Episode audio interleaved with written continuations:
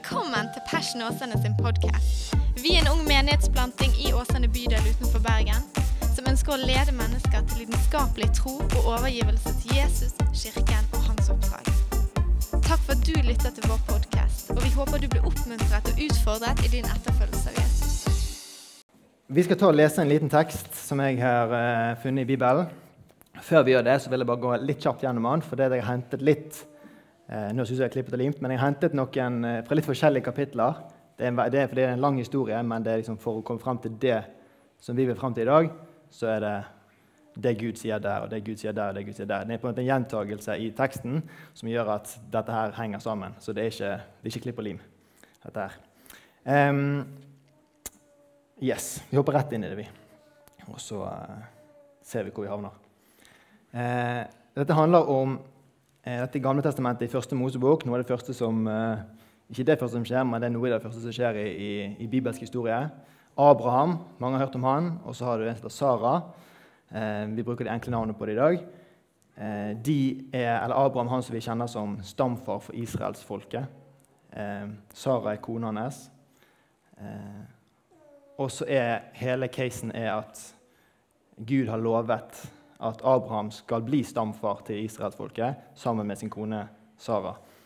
Eh, disse er godt opp i årene, og det skaper litt problemer, tenker man. Eh, ikke bare litt opp i årene, de er ganske langt opp i årene. Eh, og så eh, hvordan kanskje tvil kommer inn etter hvert, og hvordan litt sånn, eh, vi prøver å fikse det sjøl, og så eh, hvordan Gud stiller opp til slutt. Og jeg kan røpe at det ender bra. Ehm, jeg tror egentlig bare det er det vi trenger å si der. Og så skal jeg ta og lese teksten. Skal jeg finne den? Så er det blitt feil side her.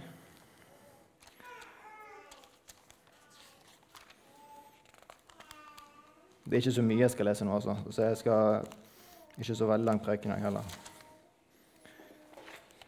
Yes. Her står det Herren hadde sagt til Abraham Nei, det hoppet vi litt for fort. Eh, jeg skal gjøre deg til et stort folk. Jeg skal velsigne deg og gjøre ditt navn stort, og du skal bli en velsignelse. Dette er altså Gud som sier til Abraham. Litt seinere så står det Skal vi se Hvor er det, da?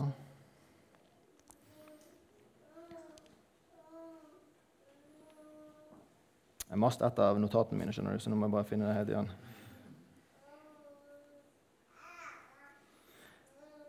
Yes, jeg fant det ikke. Men det som står, er at, at Gud eh, sier at hvis en mann kunne telle alt, alle støvkornene i verden, så ville det vært samme tall som, eh, som Abraham sin slekt, altså ut ifra han. Eh, antallet da, i hvem det skal være. Og det er liksom andre, andre lovnaden.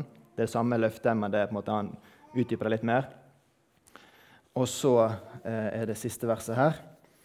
Da er det Men Abraham sa, 'Herre, Gud, hva vil du gi meg?' 'Du ser at jeg går barnløst bort, og det blir Elieser fra Damaskus som overtar mitt hus.' Så sier Abraham videre, 'Se, du har ikke gitt meg barn. En som hører til i mitt hus, skal arve meg.' Og se, Herrens ord kom til ham, og det lød slik.: Han skal ikke arve deg, men en som skal komme fra ditt eget liv, skal arve deg. Så tok han ham med utenfor og sa:" Se nå opp mot himmelen og tell stjernene, om du klarer å telle dem. Så sa han til ham, slik skal din slekt bli. Og han trodde på Herren, og han regnet ham det til rettferdighet.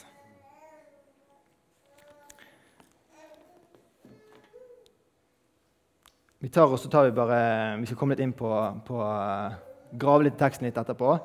Um, jeg har valgt å kalle denne eh, preken her i dag for 'Tør du å håpe?' Noe så enkelt. Uh, og det, jeg tror det er på en måte enda enklere enn man tenker nå, for man skal gå enda mer inn på, på håp og, og, se på dette her. Eh, men jeg tror det er et bra, bra, budskap i dag. Så jeg bare tar og ber en liten bønn, og så skal Mariell få lov å komme opp her og, og dele litt, hun òg. Så kjære far, jeg vil bare takke deg for eh, alle som er kommet her i dag. Vi takker deg for, eh, for ører som hører. Vi takker deg for at, at, du er her i dag. Så bare ber vi om at du kommer, og at det er dine ord som blir pratet om i dag, og at det er, det er din vilje som skjer her i dag, Jesus. Så da, Mariell, skal du få lov å dele litt.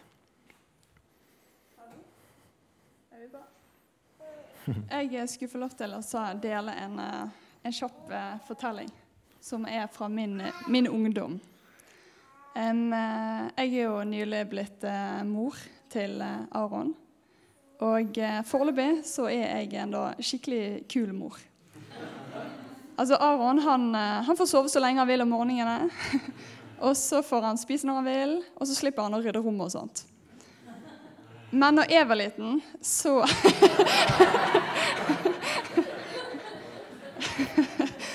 Jeg hadde sikkert sovet enda hvis vi skulle sove så lenge vi ville. Men det jeg skulle frem til, var at i ny og ne så måtte jeg rydde rommet mitt. Og vi må spole tiden tilbake til en litt sånn småtrist høstdag når Mariell var 16 år gammel. På dagens agenda så står det 'å rydde rommet'. Og hvis det er noen her som har ryddet rommet sitt før, så krever det at du legger alle følelser til side. Altså Du må være kynisk, kaldhjertet. Du må rett og slett bare kvitte deg med det.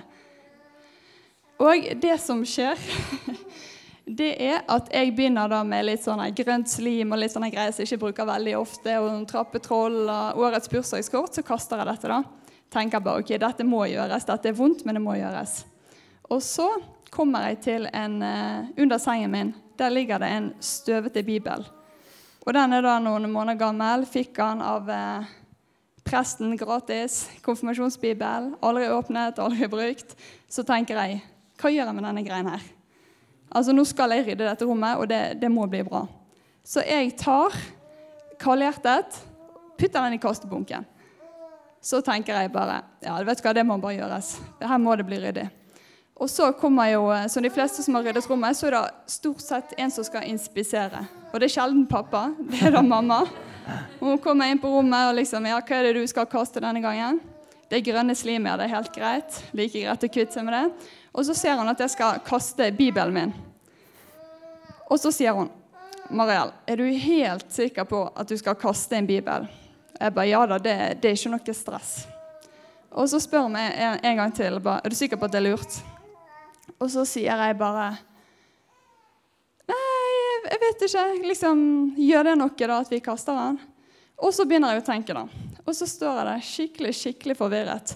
Jeg står der med denne konfirmasjonsbibelen, og så tenker jeg ok, nå har jeg to valg.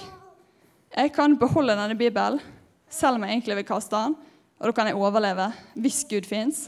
Eller to, det er at jeg kan kaste Bibelen. Og hvis Gud fins da, det er at han blir dritsur. Og gudene vite hva som skjer da, liksom. Så jeg Altså, jeg, jeg, er, jeg er feig. Jeg gikk for overlevelse, da. Så jeg har da denne Bibelen eh, i dag. Selv om jeg eh, trodde ikke på Gud og sånn og sånn. Men jeg, et, eller annet, et, et, eller annet sted dypt inni meg så var jeg da redd for at Gud fantes. Jeg hadde gudsfrykt inni meg, selv om jeg ikke hadde håpet om at han fantes. Og det, det, tror jeg eh, mange kan kjenne seg igjen i. At vi er litt sånn smålig redd for Tenk, tenk om han fins. Mm. Så jeg skal uh, Halvard skal få fortsette showet. Takk for meg. Håper ikke mamma er for Takk skal du ha, Maria. Du tenker kanskje hvordan er disse to historiene er koblet sammen. Det ser kanskje ikke helt likt ut, men jeg tror vi skal finne noen noe linker til det. Eh, det jeg hører i den fortellingen som reell deler her, det er det som nevner her at ok, det kom en gudsfrykt. ok, Hva hvis Gud fin, finnes, fantes, fantes? Hva hvis Gud fins? Og så står hun med den Bibelen og det valget. Litt absurd akkurat den der, selvfølgelig, men vi vet ikke om det er akkurat sånn det er. Men uh, uansett så er det på en måte Tanken melder seg, da. Og jeg tror de fleste har hatt den tanken en gang i livet sitt, eller ofte, eller uh, alt dette sånn. Og så tror jeg det er en tanke som man kanskje av og til bare lar sånn ah, men det det er en tanke, liksom, og så, og så, går man videre og så spiller man PlayStation og så gjør man det man skal, skal videre liksom, i livet sitt. Og så tror jeg da at, at uh, i denne historien her Veldig bra. Ja. Så tror jeg da at uh, i dette her så Hun nevnte det her ok, Jeg vet ikke om jeg helt håpte på at Gud fantes, eller om jeg håpet at han ikke fantes. Og det er kanskje litt sånn i denne frykten for ok, men hvis Gud i dette her hadde sett meg kaste Bibelen min, eller sånn, så jeg kanskje håpet at ok, jeg håper Gud ikke ser meg, fordi at da slipper jeg unna. Eh, men samtidig, på andre siden, hvis håpet er at, at Gud fins, eller at Gud ikke fins, så er det på en måte Eller hvis Gud fins, så, så, krever det noe av oss. Ikke det at vi må gjøre så mye, men, men jeg tror liksom det man møter i tankeprosessen her, er at Du står med Bibelen. Skal jeg kaste den eller ikke? Og så kan man jo altså Liv og døden ligger ikke om du kaster Bibelen eller ikke. Det tror jeg ikke. Men det valget Mariell tok der, tror jeg er at ok, hvis jeg kaster den nå, så er det på en måte screwed, da er det kjørt. Men hvis jeg tar vare på den, så, så uh, krever det at Jeg tror ikke hun Mariell sjøl trodde der, da, at hvis jeg tar vare på Bibelen, så, så, går det fint. på en måte. Det er veldig kronglete Poenget det krever en endring, eller noe må skje. Det er noe som skjer, kanskje. Mer automatisk kanskje enn at man må gjøre så mye som endrer. Men eh, hvis du kjenner en som har blitt kristen i, i, ditt liv, så er det ofte at du ser ok, men det er et eller annet annerledes nå fra forrige uke eller fra forrige år. Eller det er et eller annet som har endret seg eh, i den. Og det tror jeg er veldig sunt. Jeg tror det er veldig bra. Jeg tror det er noe av det det handler om, at man skal forandre seg. Man forandres. Uansett så forandrer man seg. Men jeg tror det er et veldig mye mer sånn svart-hvitt-skille på det å være, gå fra ikke-kristen til å ta det valget til å følge Jesus. Det ble veldig vanskelig sagt, men eh, eh, yes, jeg tror dere er med meg. Du kjenner kanskje noen i, i livet, eh, eller kanskje du bare har tanken om den stereotypiske kristne personen. Hvis vi skulle, hvis vi skulle si, designet den i dag, eller tegnet den opp på skjermen her i dag, så tror jeg vi hadde fått litt sånn eh, Kanskje litt innpåsliten, kanskje veldig sånn moralist, kanskje har veldig mye Skal endre alt. Her må vi endre litt sånn og sånn. Og så veldig på, da. Kanskje superglad òg. Og så er man med hele veien, og det skal bare Det er over the top, da, tenker man kanskje. Men så tror jeg at det ligger så veldig mye mer i det ok, men hva er det hva er det, Kanskje det er jeg som er den i din din krets. Det kan være, og det går fint.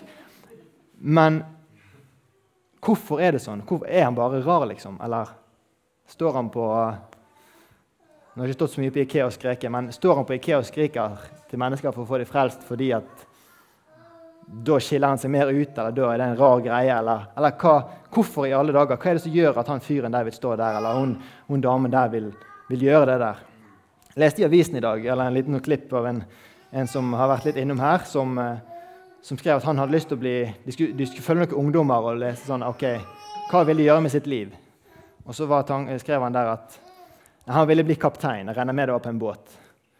Men hvis det kom eh, hvis det kom seg sånn, så ville han da heller leve og fortelle mennesker om Jesus. Og neste var en eller annen som skulle leve av fotball og en eller annen med en hest og noe greier. Så det var ikke sånn, det var ikke en kristen greie, men han sto litt midt i tror jeg, BT, så står det liksom, ok, men han vil leve og fortelle om Jesus. Og så tror jeg da at i det så Hvorfor i alle dager vil noen leve og fortelle om Jesus? Bibelen lover ikke at det er et, eh, et liv i velstand. eller Bibelen lover ikke at det skal være uh, supert og, og, fint og flott. og alt mulig greier. Han lover nesten det motsatte. Forfølgelse og, og drit og lort. holdt jeg på å si. Eh, men så er det noe, ok, men hva er prisen? Hva, det, hva ligger det i det? Hvorfor velger man i så fall det? Um, vi har det veldig fint i Norge å være evangelister eller fortelle mennesker om Jesus. Det er ikke veldig mye forfølgelse her. Kanskje Jeg vet ikke hva man får her. Det er ikke så mye man får her. Um, men så ligger det noe i ok, men hva er det man har sett, eller hva er det man håper på? Hva er det man tror på? Hva er det man, er det man går etter? Um, og det kan man se i politisk, politiske bilder i dag, kanskje. Noen som brenner for dette her, og noen brenner for det stikk motsatte. Men hvorfor vil de liksom endre på ting? Hvorfor i alle dager vil de stikke seg ut i media og si 'jeg tror på dette her', eller 'jeg tror på dette her', og så, og så legge ned sin stolthet og sin sosiale Kanskje sosialt selvmord av og til fordi de går ut og, og mener ting som ikke andre syns er greit.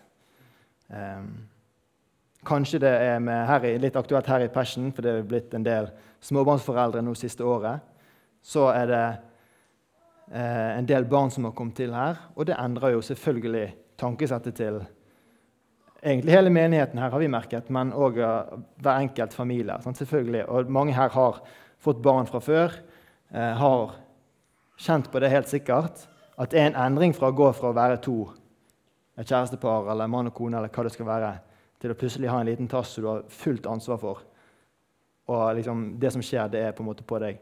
Så har du et helt annet eh, perspektiv på livet. Du har et helt annet eh, ansvarsområde. Har, mer, det er så mye mer viktig hva som skjer med Jonas, eller hva man kan gjøre for Jonas eller for Aron eller for Patrick.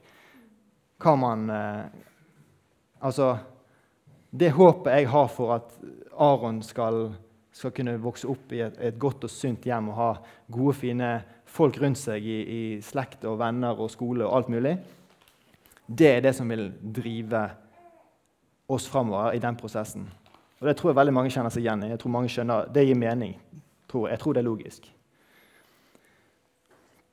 Um, Bibelen har en definisjon på tro, men som òg blir en definisjon på håp, syns jeg. Uh, den står i Hebreerbrevet. Du trenger ikke nødvendigvis slå opp. Jeg skal lese opp til deg her.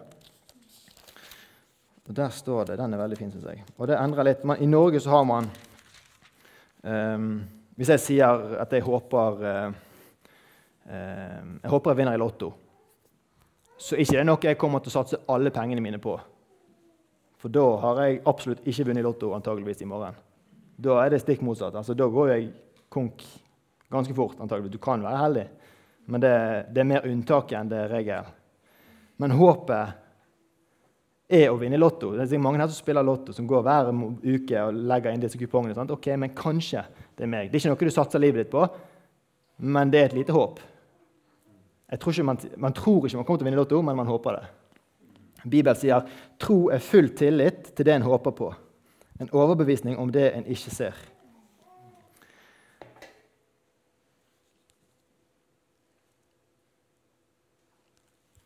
Jeg tror det at dette ikke nødvendigvis bare handler om tro. Eller Det trenger ikke bare være religion inni det, det verset vi leste nå en overbevisning om det man ikke ser. Du kan se I nesten hva som helst av filmer du ser i dag, så er det ok, men han var, han var en taper i samfunnet, eller han var kanskje på toppen, og så kom han ned på bunnen, og så nei, knakk nakken, og så nei, han skal jobbe seg tilbake igjen. og så er det disse glory storyene. da. Skal det, det, skal være så dårlig, og så skal det bli så bra fordi man bare jobber. Man håper, og så er det alle rundt de tenker at det der går ikke sjans. Altså, Du kommer til å dø før du kommer dit, og du kommer til å ødelegge deg sjøl. Men så ser man i nesten alle filmene at ok, de jobber seg i toppen, Rocky, sånn, alt dette greiene her. Og så er det en sånn der eh, håpet som driver det. da. Og så tror jeg da i en kanskje mer kristen setting eller i en, i en religiøs setting der man, der man, ser ok, men tro er mer det å, å satse. Satse på, stole på, ha tillit til noe enn å håpe at man vinner i Lotto. Fordi det gjør at man, en, man, man går inn for noe. Det var en historie fra en film, en eldre sånn kristen film fra Amerika, som, som, eh, der det er en historie om to bønder. Dette er ikke filmen, altså, det er bare en liten historie i filmen. Eh, to bønder som ber om å få regn. De trenger regn til åkeren sin. Og så er det kun han ene av de som går og klargjør åkeren sin. Jeg er ikke noen bonde, jeg vet ikke hva det vil si å klargjøre åkeren sin, men det er sikkert noe jobb. det er sikkert mye greier. Og den andre han gjør ingenting. Han håper, han venter. Ok, og Begge to fikk helt sikkert regn, men det var kun én som var klar til regnet når det kom. Altså, Det var helt sikkert han som fikk inn avlingen, det var sikkert han som fikk, fikk vekst i det han hadde plantet. Eh, og Så stiller de spørsmål ok, hvem av disse var det som hadde tro. Og Det er jo han som gjorde klart, eh, klar åkeren sin, selvfølgelig. Og Det sier noe om ok, men hva er det man håper på, hva er det man går for, hva er det man satser på, hva er det man legger ned arbeid for, eller hva er det man legger ned gjerne sitt liv for og gjerne ta det inn i, i barneoppdragelse. Ok, men hva, hva, er det man Er man seint ute hver kveld fordi, selv om man har en liten unge hjemme som må legge seg, eller at en som sitter, sitter med alt ansvaret? Sånn, hvordan, gjør man, hvordan gjør man livet sammen? Tilbake til historien som vi hadde om Abraham og Sara. Så er historien at de har fått et løfte av Gud, og så skjer det ingenting. De venter, de venter. Kanskje de går og håper og tror og, og satser på de sterke troene. Og sånn Og Så går det en tid, og så finner hun her Sara ut at kanskje Gud Kanskje vi har hørt feil, eller det står ikke det at de sier det sånn, men jeg tenker meg at kanskje de begynte å tvil melde seg. ok, Kanskje vi tenkte litt feil, kanskje vi hørte litt feil av Gud. Kanskje det enkleste er at du Abraham, går inn til en tjenestepiken vår, og så får dere barn, og så er det på en måte det som Gud har lovet. Jeg tenker meg på at det var sånn det var. Og så ble det barn ut av det. Og så fikk de et barn. Abraham var nå 86 år, blir småbarnspappa. Det høres slitsomt ut. eh, Sara var ti år yngre, så hun er også ganske eh, oppe i årene. Jeg vet ikke om det er mulig å få barn sånn eh, så seint. Men så er ikke dette her som, som eh, er løftet til Gud. Abraham fikk barn, jo da. Men løftet var at Sara og Abraham skulle få barn, og det skulle være det som, som israelsfolket kom ut av. Og så fortsetter de kanskje å håpe. De eh, ja, ja, greit, vi gjorde feil, liksom. det var ikke sånn det skulle være. Men så fortsetter man. Livet går, går og fortsetter, og så går det 14 år videre. Hvis du går i matte, så vet du at da blir Abraham 100 år. Sara blir da 90 år. Eh, enda gamlere, sikkert enda mer umulig å få barn. Eh, eggene ut på dato og alt mulig greier. Sikkert ikke på, eller Abraham sikkert ikke så mye på dato, han heller. Eh, og så står det da at da alt håp var ute, da trodde Abraham med håp. står det i Nytestamentet. Og så tror jeg det er en, en sannhet i det at ok, ja, tvilen kom. Vi prøvde å fikse dette sjøl. Fikk en gutt som het Ismael. Det var han første gutten som da ikke var det som var løftet. Og så kommer det Isak da senere, som er han som da er andre leddet i dette stamfarrekken, eller til, eh, til Israel. Kjempefin historie videre der òg, og fin vet jeg ikke, men iallfall en historie videre der. Eh, litt feil av og til òg. Eh, I hvert fall en god historie. Eh, og så er det noe med ok, men kanskje alt håp var ute. Ja da, De blir eldre for hver dag og hvert år. Og så er det mindre og mindre sannsynlighet og sjanse. og så... Men så er det ok, men Gud sa jo dette her for ikke, 25 år siden. Han sa det for 14 år siden. Han sa det da. Stjernene de skal bli like store som det. Ok, men jeg klarer ikke å få barn engang. Hvordan kan jeg få til dette her. Kanskje han tenkte han skulle få alle sjøl, det vet jeg ikke. Men det høres også slitsomt ut. Og så er det noe der med at OK Gud holdt løftet, selv om det var litt feil på veien. Ikke på Guds side, men fra Abraham og Sara sin side. Bibelen forteller videre liksom, i, i, Det nye testamentet hvordan Abraham var rettferdig. Hvordan Abraham på en måte holdt ut, og han var så sterk, og han tvilte ikke et sekund. Og så er historien at jo, han, han hadde jo en liten tvil her. Det ser ganske tydelig ut at han hadde en liten tvil. Men så ser det ut som at gjennom øynene på Nytestamentet og gjennom øynene til det at Jesus døde på korset, så er på en måte de feilene der de blir bare visket ut. Da. Det bare ser ut som at OK, jeg ser ikke det der lenger. Jeg ser at OK, du gikk for det. Du kom i mål. Og så er det liksom good times. Liksom. Det, er, det er det man går etter. Og så tror jeg dette handler om okay, det håpet man hadde, det håpet man ser, det håpet man, man lengter etter. Og så går man for det. Og så humper det litt og går. og sånn. Selvfølgelig, det skjer, Livet skjer. Og så, Men har Gud sagt, så ligger det der. Det skumle med å satse på Gud, for oss eller for meg eller for deg, det er gjerne det at OK, men hva gjør det med meg? Eller hva endringer skjer i mitt liv? Kanskje du tenker at ok, men jeg, jeg skal følge Jesus idet jeg ligger på dødsleiet. Og det er for så vidt eh, en sjanse å ta, for så vidt, men det er for så vidt en fin ting. Eh, og så, og så eh, Men kanskje òg du tenker at ok, men hvis jeg skulle fulgt Gud, så skulle jeg gjort det skikkelig. Jeg har hørt historier om mennesker som ser at eh, Vi hadde et, eh, jeg tror to prekener siden her. Så var det noen som snakket om det å, å leke kirke. Og det er gjerne det at Vi kommer her på bedehuset, vi kommer her, og så gjør vi greiene. Vi har litt lovsang, vi står med armene i været, og så er det liksom good times. Og så, så, går vi hjem igjen, og så spiser vi kebab, og så er det liksom ingenting. Da helt til neste gang vi møtes. Der vi igjen står at livet er så bra, her er du god, og så forandrer meg, og så skjer det ingenting. Jeg skal ikke si at det er for alle. Jeg kjenner det for min del at sånn er det for meg sikkert mer ganger enn det ikke er det. Og så eh, er det litt sånn OK, men det som ligger på mitt hjerte, det som jeg kjenner at jeg, jeg lengter etter, det er jo det at ok, men jeg vil se forandring fra søndag til søndag. Vil se, man vil jo se fort resultater. Du ser de som trener. Du, ikke, du ser ikke Bicepsen blir ikke større på de to gangene du har vært der, og så gir du deg. Sant? Det er jo sånn jeg funker. Eh, og så er det noe med dette ok, men Det er skummelt å satse på Gud, for man vet ikke hva som skjer. Hvordan vil mitt liv se ut hvis jeg hadde gått all in for Gud.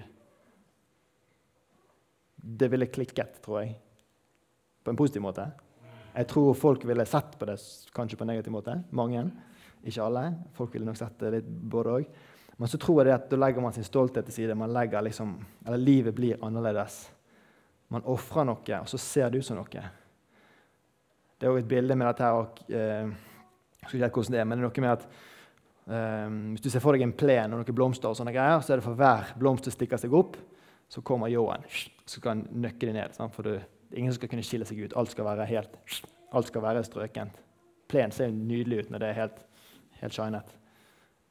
Men bildet på det at okay, en blomst skal ikke få lov å stikke seg opp her, for her skal det være likt. Og Vi har et likhetssamfunn i Norge og sikkert i hele Vesten der det, man skal ikke skille seg ut. Du kan se over til Amerika, der det er mer folk som skiller seg ut. Pluss og minus der òg, for så vidt. Um, men endring Du ser stereotypiene i, i, et kristent liv. Du ser stereotypiene i, i mennesker som, eh, som, skiller seg ut, som, som, tør å gå for noe. Og så er man kanskje redd for at man sjøl blir en sånn. Jeg har forkjent det for mitt liv at eh, Vil jeg være han som løper rundt på gaten, eller vil jeg være han som skyter her og der? Liksom, og så ser det rart ut, men så blir man Jeg vet ikke. Men hvordan ser det ut å håpe? Nå skal jeg straks runde av. Jeg vet ikke om dere har lyst til å spille, eller sånn, men dere har eh, det inne i programmet. eller sånn, men det er opp til dere.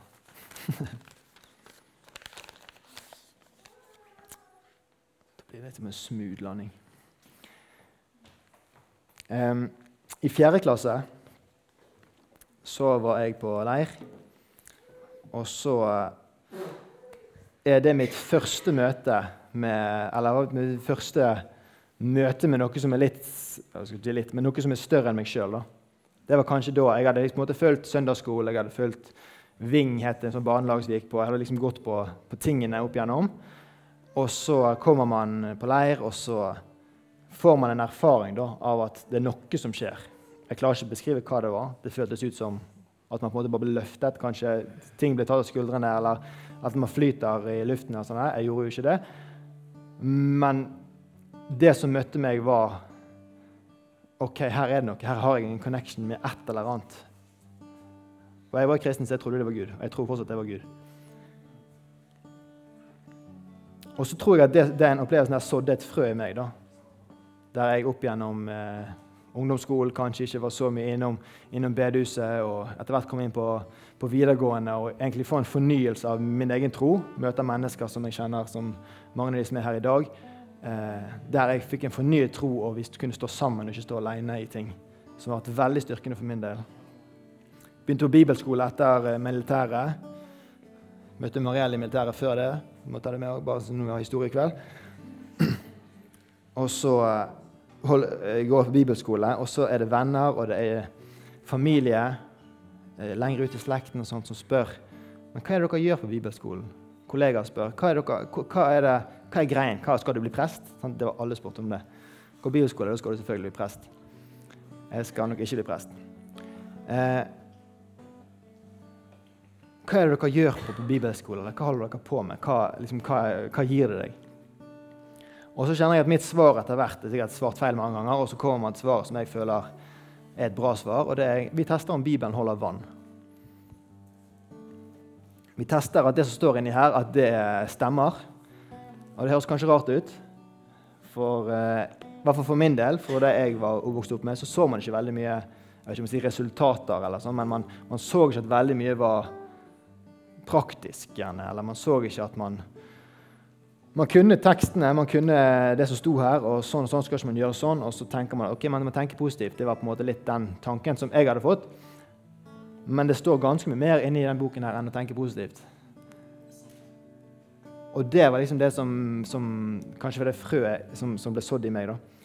Nei, vi tester om Bibelen holder vann. Vi tester om eh, når det står at vi skal legge hendene på de syke og de skal bli friske, om det faktisk stemmer. Og det krever jo at man legger hendene på de syke og ber for dem, og så ser man om om ting skjer. Mange ganger skjer det ingenting. Men jeg vil ikke si at det er egentlig majoriteten heller. Jeg har opplevd mange som vi kan be for. Kanskje på rare steder. Man har ikke vært på teamturer med bibelskolen. bibelskolen. Man har vært eh, utenlands, man har vært steder. Og så har man bedt for mennesker der man ser at det er en helt konkret endring fra sekundet før du ber, til sekundet etter du ber. At ting skjer. Og det kan du si, det gjør noe med deg sjøl. Vi var i Brasil og vi ba for en jente som hadde i jeg vet ikke om det var tre-fire måneder hun hadde vært i rullestol. Veldig sånn jelly leg som hun sto. Måtte stå med støtte. Og så fant en av de som vi var med, eh, ut at vi skulle be for henne. Tenkte, ok, men dette skjer jo ikke. Og så går man bort og så legger man hendene på, og så prøver man å be. Og så er det litt flere unger som er der, og vi ber for, for hun der jenten. Vi hjelper henne opp til å stå. Nei, nei, det var fortsatt jelly legs. Nei, ok, det var, det, var ikke, det var ikke de der. Men så er det en som sier ok, men vi ber en gang til. Og så sitter hun fortsatt på stolen der, og så legger vi hendene på henne. Eller nå tror jeg faktisk hun sto. Ikke at det er en veldig stor detalj, men hun sto der, vi holdt henne oppe, støttet seg, og så legger vi hendene på knærne litt forskjellig, og vi bare ber liksom, i Jesu navn. Bli frisk og gå og alt dette her. Og så begynner jeg liksom å prøve å dra henne litt framover, så hun skal begynne liksom, å teste. Hun har, litt, hun har, litt, følelse i beina, hun kan jo gå litt, liksom, men det er ikke noe Hvis man har sluppet henne, rett tilbake igjen. Så det gjorde vi ikke da. Og så leder vi henne litt videre. da. Og så ender det med at hun som går der, liksom litt jellex der fortsatt, og så bare tar hun av håndflatene og så bare dytter hun oss vekk. Og så er det plutselig ingen som står og holder henne, og så går hun videre bortover. Wow. Går hun videre bortover uten vår støtte, ingen jellylegs, og så går hun videre der. Og så er det en fantastisk historie, og vi Kjempegøy. Men så husker jeg for min del at jeg kjente veldig tydelig på at ok, nå har jeg et kjempevalg. Dette her burde gå kjempeinn på meg. Dette her burde endre mitt liv for resten av mitt liv. Og så merker jeg at ok, men nå kan jeg kan egentlig gå hjem nå. Det husker Jeg tenkte, jeg kan gå hjem nå leve livet mitt videre akkurat som det har vært nå. Ikke tenk på dette her og bare gå videre. Men det kjente, ok, i logikken min der men dette her går ikke an. Dette her er jo så stort at jeg kan ikke bare gå fra dette her. Og Jeg vet ikke om det er jobbet med meg sjøl, men jeg kjente at ok, dette her må gå inn på meg. sånn. Og så kjenner man på en måte tåren kommer én etter én, og så går man der, og så Mariell sier hun aldri sett meg grine, men hun hadde det. Eh, Mariell var med. Og så eh, Og så må man på en måte Og jeg, sant, jeg går ikke og tenker på denne historien hver dag. Det gjør jeg ikke. Kanskje ikke tenker på enda mer, for det er veldig trosbyggende for min del. Um, Og så tror jeg det at i disse, historiene disse her greiene her, så, så, får man lov å vokse, man får lov å gå. Så får man lov å la erfaringer, man får lov å troen til å forandre seg sjøl, og man får lov å la troen ta, ta steg og, og endre, endre, oss.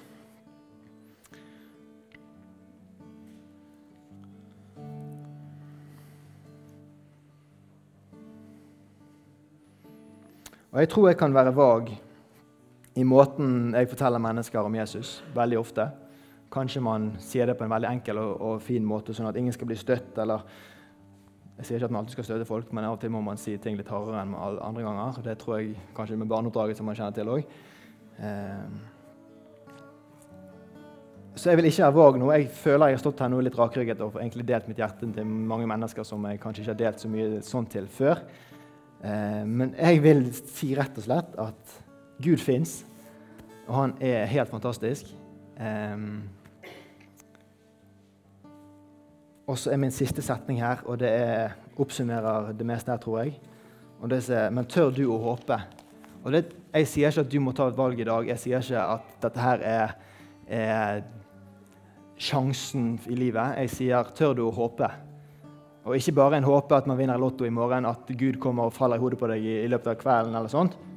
Håper han gjør det. Og det skjer, men jeg tror ikke det er majoriteten. Jeg tror ikke det er det som er regelen, at Gud faller i hodet på mennesker.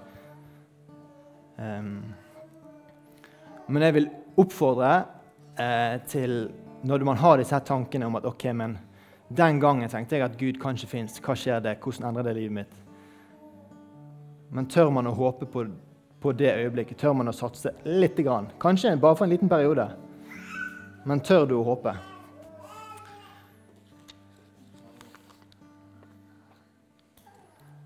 Håpe som i at man setter litt tillit til, litt vekt på det.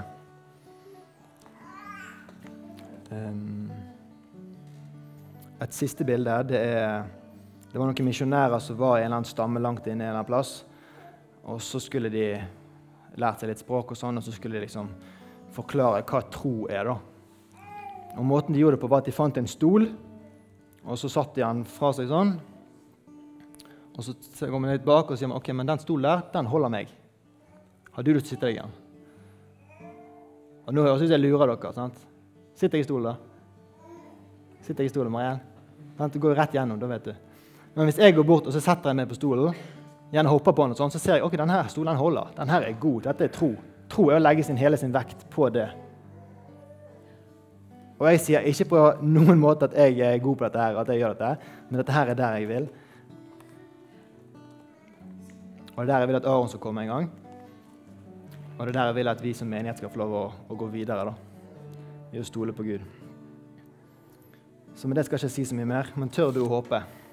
Det er budskapet mitt i dag. Takk for at du lyttet til Passion Åsane sin podkast. Hvis budskapet inspirerte deg, del det gjerne videre, slik at enda flere kan bli styrket av Guds ord. Gud har en plan for ditt liv. Følg Jesus lidenskapelig og bety en forskjell for mennesker i din verden.